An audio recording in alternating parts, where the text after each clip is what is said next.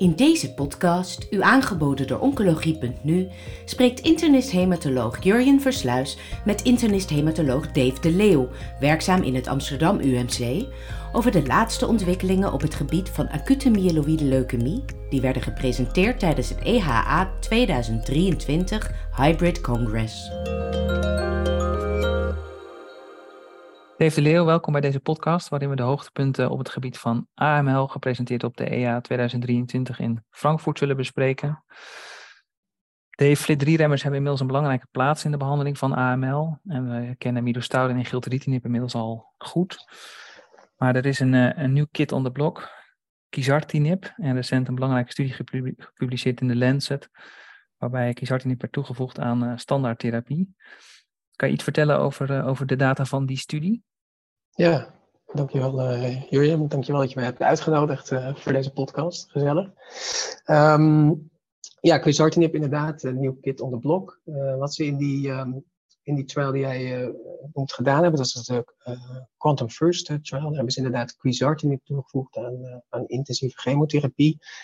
Um, en dat vergeleken met intensieve chemotherapie plus placebo. Dus eigenlijk beetje vergelijkbaar met, uh, met de Ratify uh, trial die eerder is gedaan uh, met midostaurin.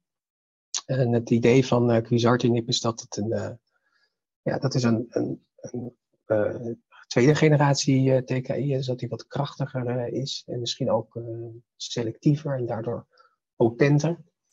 Um, en dat is eigenlijk wat ze geprobeerd hebben te onderzoeken in die, in die Quantum First trial. Dus daar kregen mensen met een FLT3 positieve leukemie die nieuw gediagnosticeerd waren, Um, en die tussen de 18 en de 75 jaar kregen daar uh, dus of placebo toegevoegd aan intensieve therapie. Het was een vrij grote trial, meer dan 500, uh, 500 mensen. En wat die trial laat zien is dat uh, de mediane overleving van patiënten die uh, krijgen um, verbetert ten opzichte van de mensen die de standaard armen loten. Um, waarbij de mediane overleving ja, 31 maanden geloof ik zo was uh, met quizartinib en rond de 15 maanden met, uh, met uh, placebo. Um, ja, net zoals bij de trial is natuurlijk altijd wel belangrijk om te zien hoe die curves dan precies lopen. Want als zo rond de 50% mediane overleving is, dan uh, je moet altijd ook kijken op hoeveel jaar dat dan, dat dan verbetering geeft van die, van die overleving. En ook natuurlijk kijken naar het aantal recidieven. En bijvoorbeeld als je kijkt naar het aantal recidieven, dan, uh, dan zie je dat op 24 maanden uh, dat er uh, ongeveer 12% meer recidieven zijn bij de patiënten die placebo kregen. Dus op zich is dat een, een positieve trial. Ja, en, en dan een interessant middel, denk ik dus ook. wat dan denk ik jammer is, is dat, je dat, niet ver, dat dat niet vergeleken is met de huidige standaardtherapie, midostaurin. Um, hoe wordt daar in het veld op gereageerd? Ja, het is altijd natuurlijk lastig om, uh, om twee van dit soort studies te vergelijken. Um, is natuurlijk uh, geregistreerd op dit moment. Idealiter had je standaard aramidestarin willen hebben. Uh, dat was toen, toen deze trials startten, was dat nog niet uh, geregistreerd. Dus ik, ik, snap ook wel dat ze dat toen niet genomen hebben. Maar dan blijf je dus nu altijd met twee trials zitten die, die je dan moet vergelijken. Ik geloof dat um, er is wel aanvraag gedaan bij de, bij de FDA is nog volgens mij iets vooruitgeschoven, uh, die beslissing. Uh, dus het is de vraag of dit, uh, of dit geregistreerd gaat worden, of dat ze head-to-head vergelijk willen met middenstorin. Ja. Um, ja, eens even afwachten. Het liefst wil je natuurlijk een head-to-head -head trial zien. Het zou kunnen zijn dat we straks gewoon twee middelen hebben en dat we mogen, mogen kiezen. En dan moeten we dat goed tegen het licht houden. Ook ja. kosten en bijwerkingen bekijken. Hey, en zou misschien dan de presentatie die getoond werd op de EAA van de Kiwi-trial daar nog iets aan toe kunnen voegen. Want daar werd quizartinib getest in FLT3 negatieve patiënten, in FLT3 wildtype patiënten. Kan je eigenlijk eerst uitleggen waarom werd dat überhaupt gedaan? Waarom zou dat simpel zijn? Ja, dat is een super goede vraag. Waar het antwoord uh, niet zo heel erg duidelijk op is. Want Um, het is zo dat, uh, dat inderdaad die, die Kiwi-trial heeft gedaan, is dat ze uh, gerandomiseerde studie hebben gedaan bij patiënten die inderdaad FLT3 uh, wildtype zijn, hè, dus geen mutatie hebben. En ehm, daar hebben ze quizartinib toegevoegd aan, intensieve therapie om te kijken of dat ook de verbetering van FLT3 wildtype patiënten verbetert. En ehm, ik was altijd in de gedachte, in de voorstelling dat als je nou ja, met, een, met een soort dirty drug, zoals een multikinase, zoals uh, midostarin is, dat je dan ook vooral veel andere uh, kinases target. En dat je misschien ook effecten, positieve effecten kunt hebben, doordat je die andere kinases, die toch ook een effect hebben, dat, dat, dat je daar een voordeel van kunt hebben. En nu doen ze een studie met, um, met quizartinib, wat dus een wat meer selectievere en, en, en wat specif specifiekere remming van FLT3 geeft natuurlijk ook nog wel wat andere dingen. Had ik zelf niet gedacht dat dat dan ook zou werken voor, uh, voor FLT3 uh, uh, wildtype patiënten. Um, de reden om het te doen is omdat het natuurlijk toch niet zo specifiek is als dat wij denken. Um, en de gedachte komt voort uit een uh, SOAR-AML-trial die eerder is, is gedaan. En in die studie hebben ze gekeken naar inderdaad FLT3 wildtype patiënten. En daar hadden ze sorafenib toegevoegd. Wat uh, ook een type 2-remmer is, wat feitelijk betekent dat het alleen maar FLT3 uh, eh, ITD remt en dus uh, niet TKD. En ik denk omdat ze dat met Sorafinib gezien hebben, dat was de reden om dat dan ook met een wat krachtiger remmer zoals Quizartinib te proberen. Ja. En wat waren de resultaten in deze FLIT-negatieve populatie? Het was een fase 2-trial, maar toch substantieel aantal patiënten geïncludeerd, bijna 300. Uh, ja, dat klopt. Um, dus uh, wat ze hebben gedaan is, um, uh, inderdaad in, drie, in, in 300 mensen hebben ze dit toegevoegd. Dus dubbelblind, dubbelblinde studie. Um, en patiënten kregen dus quizartinib tijdens de inductiekuren, maar ook gedurende onderhoudsfase na consolidatie of na allogene stamceltransplantatie. En dat was een twee op één randomisatie, dus 180 mensen kregen, kregen. Als je dan kijkt naar de, de mediane uh, event-free survival, dan zie je dat die in de quizartinib-arm verbetert.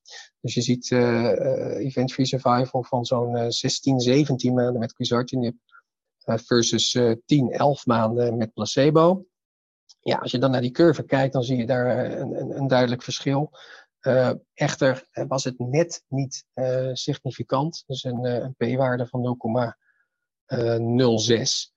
Um, daarentegen um, was de mediane overleving die was, die was wel beter. dus mediaan was het niet bereikt met, met quizartinib, um, ehm, 15 maanden met, met placebo. De overall survival op twee jaar was, was ook beduidend beter, dus ruim 60%, 63% met quizartinib versus 47% eh, met placebo. Ja, en toch als je naar de objectieve respons kijkt naar twee cycli, CR-percentages en MRD-negativiteit, was dat exact hetzelfde. En toch zie je dus dan. dat is wel verrassend. Ja. Wel een, een survival benefit. Uh, zeker op OS en niet op EFS. Ja, ik word dan altijd een beetje argwanend of dat dan toch niet ligt aan de rescue-therapie die je later hebt toegepast. Ik weet niet, hoe kijk jij daarna? Ja, ik ben, ik ben met je eens. Je hoopt natuurlijk, uh, het, meest logische zijn dat als je een middel toevoegt, uh, dat je hogere responsen krijgt, hè, meer CR. Of als het al gelijk is dat je misschien dan toch meer mensen hebt die MRD negatief worden. Ja, dat, dat, konden, ze hier, uh, konden ze hier niet aantonen. Dus er gebeurt iets ja, op de lange termijn. Um, of iets wat we nog niet helemaal snappen. Dus wat je zegt kan kloppen. Het kan zijn dat mensen wel uh, relapsen, maar daarna gerescued uh, worden. Um, wat ook zou kunnen zijn, is dat de onderhoudstherapie toch wat, uh, wat toevoegt. En dat het niet zozeer zit in de, in de, in de initiële respons. Um, ik denk dat het ook vooral heel erg belangrijk is om, om te weten waardoor dit nou werkt. Je zou zo graag een biologische mechanisme willen hebben, waardoor bijvoorbeeld in FLT3 wildtype patiënten dit werkt. Uh, en ik denk dus dat ze ook nog zeker op zoek moeten naar, uh, ja, naar, naar specifieke kinases die geremd worden, uh, waarbij je ook wat je hier ziet biologisch kunt onderbouwen. Dat zou het wel sterker maken. Ja, ja. Nou, het was een eerste analyse, dus we gaan, uh, we gaan deze trial en de data daarvan op komende congressen zeker nog terug horen. Dan komen we erop terug. Uh, een andere subgroep van patiënten met toch doorgaans van een goede prognose is, zijn patiënten met een NPM1-mutatie. Uh, maar ook daar is toch binnen die NPM1-gemuteerde AML een subgroep van patiënten die het slechter doen. Um, en er was een studie die eigenlijk die populatie uh, onderzocht. Studie uit, uit de UK. Kan je wat vertellen over het design van die studie en wat ze daar onderzochten? Ja, dus het design van de studie is eigenlijk zoals het vaker is bij uh, Engelse studies, is dat het design eigenlijk altijd best wel uh, lastig is. Dus uh, vaak gaan er heel veel patiënten in. Um, en heb je, willen ze in één studie meerdere vragen beantwoorden. Dus heb je meerdere randomisaties. Dus dat maakt het een beetje lastig. Um, maar wat ze hier hebben gedaan, dat is de, de AML-19 trial. Dat is dus een grote studie geweest waarbij ze ruim duizend patiënten hebben geïncludeerd met um, een nieuw gedifferentieerde AML of een hoog risico MDS, dus oude MDS EP2'en. En dan hadden ze een aantal vragen. De eerste was, is er nou eigenlijk een verschil als je voor uh, remissie-inductiekuren um, FLEC-IDA gebruikt versus um, ja, eigenlijk uh, daunorubicine en citarabine, maar dan niet wat wij standaard geven, 7 plus 3, maar dit is dan 7 plus 10, dus je hebt dan 10 dagen RAC. Dus eerst is het de chemotherapie backbone, is daar een verschil tussen. En het andere waar ze naar uh, hebben willen kijken is uh, of uh, gemtuzumab ozogamicine, um, wat een antibody-drug conjugate is, hè, dat target CD33 en daar hangt een, een chemotherapeuticum aan. Of als je dat in enkele dosis geeft of in een gefractioneerde dosis, of dat nog een verschil maakt. En dan er waren deze resultaten deels al gepubliceerd uh, van deze trial.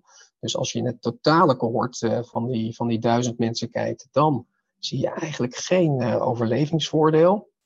Um, dat is afgelopen jaar op de ASH gepubliceerd. Um, maar als je nou specifiek in NPM1 gemuteerde keek, en je haalde dat net al aan, dan zie je dat er wel degelijk een overall survival voordeel is voor patiënten die FLAG-IDA gecombineerd met gemtuzumab ozogamicine krijgen.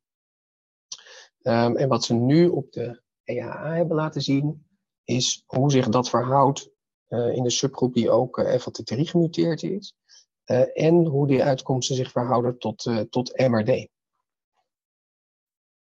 Ja, en de, de vergelijking was dan DA, dus de citrabine daunorubicine, gecombineerd met gemtuzumab. Hè? Dus de, de daadwerkelijke vergelijking, vergelijking in behandeling was VLAG-IDA versus DA. Ja, dat klopt. Dus ja, Vlek IDA Go eigenlijk, eh, of DA Go, zoals we dat dan uh, noemen. Um, nou ja, wat, wel, wat ik denk wel interessant is uit deze studie, is dat uh, nou ja, ze wisten dus al dat uh, Vlek IDA Go een overlevingsvoordeel liet zien. Um, en met name uh, bij de patiënten die, nou, dat is eigenlijk zowel bij de patiënten die FLT3 gemuteerd zijn, als bij de patiënten die FLT3 uh, eh, wildtype uh, zijn. Um, en hier, in tegenstelling tot de studie die we net bespraken, zie je hier wel meer mensen die, die in CR komen. en ook is, het, is de MRD-negatieve status van het NPM1, dus als je dat meet in het B-merk of in het perifere bloed, dan zijn de patiënten die met FLEC-IDA Go worden behandeld, hebben ook inderdaad een diepere, diepere respons. Ja, um, wat zegt ons dit dan voor, nou even omslaan naar de Nederlandse praktijk, wat, wat kunnen wij hiermee? Moeten we dan in Nederland weer vlek IDA overwegen en moeten we daar dan Go weer aan toevoegen? Moeten we gemtuzumab weer introduceren? Hoe kijk jij daarna met deze resultaten in je achterhoofd? Nou, wat ik, wat ik van deze resultaten uh, wel interessant vind, is dat ze uh, bijvoorbeeld bij de patiënten die uh, MRD negatief werden, dus die eh, geen NPM1 aantoonbaar hadden in het, in het perifere bloed, dat was toch een behoorlijk percentage. Dat als je dan kijkt naar hoe die patiënten doen, dus na één kuur FLEC-IDA Go werden die patiënten geconsolideerd met FLEC-IDA. Um, um, en een deel daarvan, van die mensen, die kreeg nog twee kuren met uh, hoge dosis RAC-consolidatie. Een deel kreeg één kuur met hoge dosis RAC-consolidatie. En er waren ook mensen die geen kuren kregen. En als je dan kijkt naar de uitkomsten tussen die consolidaties, 0, 1 of 2 cycli, dan zien ze eigenlijk geen verschil in overleving op drie jaar. Dus feitelijk wat dat zou kunnen zeggen is dat als je één kuur Vlek-Ida Go geeft, gevolgd door één kuur Vlek-Ida, dat je daarna niet meer zou hoeven consolideren. En dat die mensen dus zonder autoloog wat wij doen, of zonder derde kuur, eigenlijk klaar zijn. En uh, daar, kun je nog wel wat van zeggen, want die laatste, nee, dat is niet gerandomiseerd voor 0, 1 of 2 consolidatiekuren. Um, maar dat zou toch wel, als dat waar, echt waar is, dan zou dat wel heel erg mooi zijn natuurlijk. Dat je met twee intensieve kuren daarna gewoon klaar bent. Um, als dat zo is, dan, dan zou, dat, zou dat wel mijn voorkeur hebben over wat we nu doen. Uh, maar er moet nog wel wat dingetjes gebeuren voordat we dat daadwerkelijk uh, zo kunnen doorvoeren. Het is zeker zo ja. al dat gemtuzumab ozogamicine is natuurlijk geregistreerd al in Nederland voor de behandeling van nieuw gediagnosticeerde patiënten met een CD33-positieve leukemie. Er zijn wat centra die dat vooral gebruiken, denk ik, voor core binding factor leukemieën, maar niet heel breed door Nederland nog. Um, maar in het label staat wel dat dat gecombineerd moet worden met uh, citarabine en daunorubicine. Dus als je dat bij vlek IDA wil geven, dan moet er misschien nog wel wat, uh, wat gebeuren. Ja, en dan moet je dus eigenlijk kiezen uit het min of meer inferieure schema uit deze studie. Hoewel ik wel moet opmerken dat als je naar de forest plots kijkt en naar de aantallen in die subgroepjes, zijn dat wel relatief kleine populaties. Dat ben ik met je eens. Ja, dat is, dat is dus, en dat is dan ook wel weer een beetje het jammer van zo'n enorme grote studie. Uh, dat je dan uiteindelijk misschien toch nog niet uh, ja, uh, leidt tot registratie van bijvoorbeeld dit middel voor deze indicatie. Nee. Um, dus ja, dat er dan waarschijnlijk toch nog extra studies gedaan moeten worden als je het wil om, om dit geregistreerd te krijgen. Ja, nou dat zullen we in de gaten houden. Een belangrijke vraag binnen AML, en daar uh, hintte je net al een beetje op uh, toen we de Kiwi-studie bespraken, is het toepassen van maintenance. En zeker in de setting van een allogene stamceltransplantatie is dat uh, toch wat controversieel en minder goed onderzocht in de prospectieve studies die gedaan zijn. maar er werd in de late-breaking sessie een belangrijke studie, denk ik, ge gepresenteerd, de Morpho-trial, die uh, gilteritinib in FLT3 gemuteerde patiënten posttransplantatie toepaste. Uh, als maintenance. Kan je deze studie toelichten? Ja, ik denk een hele interessante studie en ook lang verwacht. Want uh, al heel lang geven we maintenance hè, met, um, met, uh, met TKI's, met name natuurlijk naar uh, chemotherapie-consolidaties, zoals een derde kuur of naar autoloog, kunnen we middenstorin geven. In onze huidige hoofd van 156 studie zit natuurlijk ook een onderhoud, zit een onderhoud ehm, periode vast, zowel na chemotherapeutische consolidatie als na ook allogene stamceltransplantatie. Um, en dat is wel bij meer studies uh, al gedaan, dat er inderdaad ook na transplant uh, een TKI wordt gegeven. Het enige, het vaak probleem is in de studies, en wat ook niet gebeurt in de HOVE 156, is dat er nog een randomisatie plaatsvindt op het moment dat je start met onderhoud. En daardoor is het altijd heel lastig, of eigenlijk niet mogelijk, om um, te, te deduceren of ook onderhoud uh, een toegevoegde waarde heeft, of dat het effect wat je ziet in, in de inductie, toevoegen aan inductie is. Um, en dit is eigenlijk een van de eerste studies waarbij uh, er gerandomiseerd werd na allogene transplantatie. Dus wat je ziet is dat in de Morpho Trial is een studie, fase 3 studie, waarbij patiënten die FLT3 positief zijn in remissie zijn naar de, naar de inductie. Um, en voor stamceltransplantatie gaan. Daarna werden gerandomiseerd tussen ofwel onderhoud uh, met gilteritinib, uh, wat dan 12 uh, maanden, nee, dat zeg ik verkeerd, wat 24 maanden lang werd gegeven, of placebo.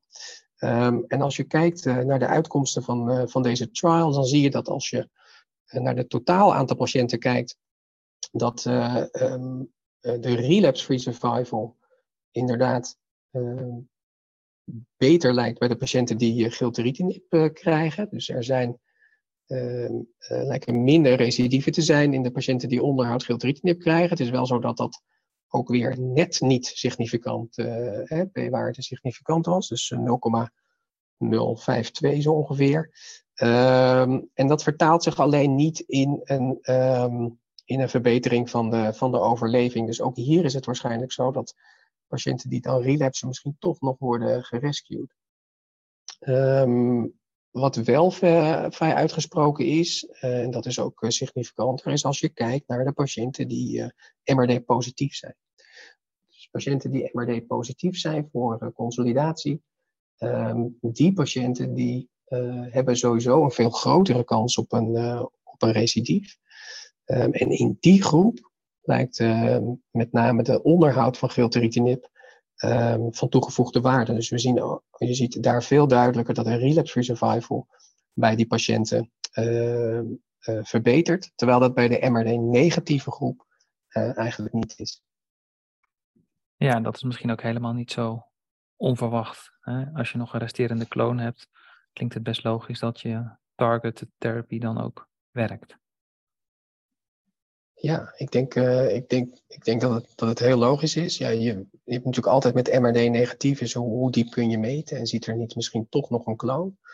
Um, maar we kunnen FLT3 natuurlijk steeds, hè, we kunnen steeds dieper uh, meten. Dus MRD negatief ja, is misschien ook wel echt heel weinig ziekte nog aan boord. En uh, dat het dan een meer uitgesproken verschil is bij de patiënten die MRD positief zijn. Dus inderdaad, is iets wat je kunt verwachten. Alleen dat is dan, dat zie je dan hier nu uh, goed, omdat dat nu ook dus gerandomiseerd is voor die onderhoud. En eerder weten we ja. dat gewoon niet zo goed. Was er nog toxiciteit opvallend? Er werd iets meer graph versus uh, ja, dus je ziet, beschreven. Ja, dus ik moet de eerlijkheid bekennen dat ik niet exact weet uh, hoeveel meer graft er nu uh, precies was. Maar ze zeggen inderdaad dat er uh, wat verhoogd risico is op, op chronische graft versus host. Um, bij de eerdere trials die gedaan zijn, leek dat uh, wel mee te vallen. We weten van gilteritinib uh, ook uit uh, eerdere studies dat het wel meer B-merg-suppressie geeft. En dat was, dat was bij deze trial, werd het ook gezien.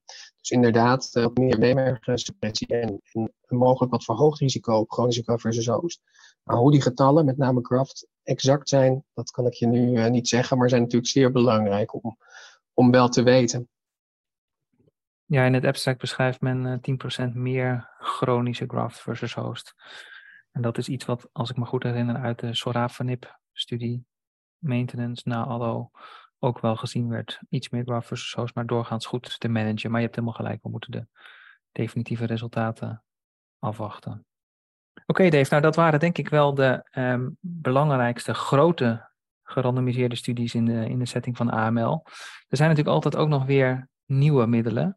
Um, en daar wilde ik mee afsluiten, want ook in de late-breaking uh, sessie werd een uh, MEN-inhibitor gepresenteerd. Denk ik een middel uh, waar veel van verwacht wordt.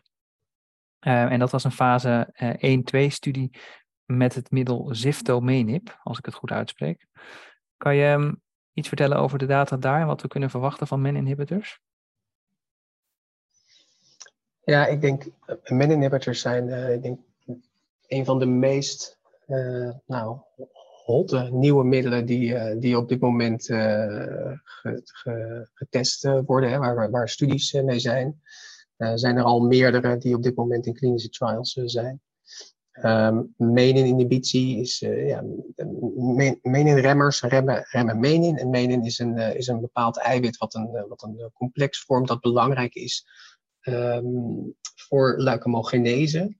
Uh, wat er gebeurt is dat met name bij uh, patiënten met een eh, MLL-rearrangement, maar zeker ook bij mensen met een NPM1 en ook een DUP 69 mutatie, dat die patiënten met name heel gevoelig zijn voor, voor meninginhibitie.